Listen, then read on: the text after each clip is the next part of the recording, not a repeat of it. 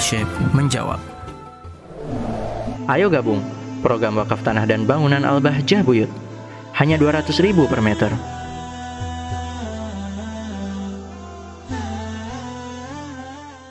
Assalamualaikum warahmatullahi wabarakatuh. Penanya yang dimuliakan oleh Allah Subhanahu wa taala. Jika ada seorang suami berkata kepada temannya, "Aku tidak berminat kepada istriku, aku tidak mau dengan istriku." Apakah ini jatuh cerai? Selama hal tersebut belum nyampe kepada istrinya, maka ini pun tidak tidak jatuh cerai dan kalimat tersebut juga masih kalimat kalimat kinaya, bukan kalimat soreh. Tidak berminat, tidak mau itu maksudnya apa? Kalau ternyata tidak berminat, tidak mau setelah nyampe kepada istri ditabayun, ditabayunin maknanya adalah cerai dan suami menganggukkan, mengiyakan, ya berarti jatuhlah cerai. Jatuhlah cer, cerai. Tapi kalau berita itu selama berita tersebut tidak nyampe dan tidak tidak ditabayuni, maka tidak jatuh cerai. Karena dia ngomong sama siapa? Harusnya ngomongnya kalau mencerai ya ngomongnya ke, is, ke istri, bukan ke orang lain. Selama berita itu belum nyampe kepada istri ya, ya belum jatuh. Sebelum ditabayuni juga belum jatuh. Maka e, kalimat tersebut adalah masih kalimat kinayah.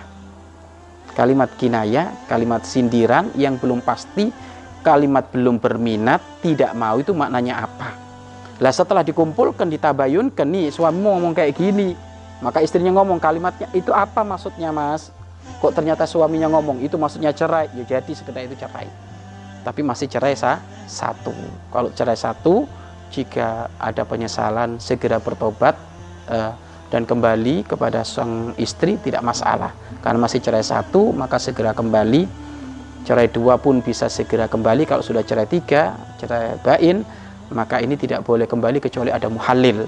Tetapi kami menghimbau jangan mudah Wahai seorang suami gampang-gampang ngomong cerai, nggak mau nyindir-nyindir, dengan kalimat cerai itu nggak ada perlunya lah suami tidak punya kelebihan kalau dia itu suka seperti itu permasalahan di dalam rumah tanggamu hadapi semuanya dengan gentleman dengan kasih sayang dengan dengan kerinduan kepada Allah Subhanahu wa taala.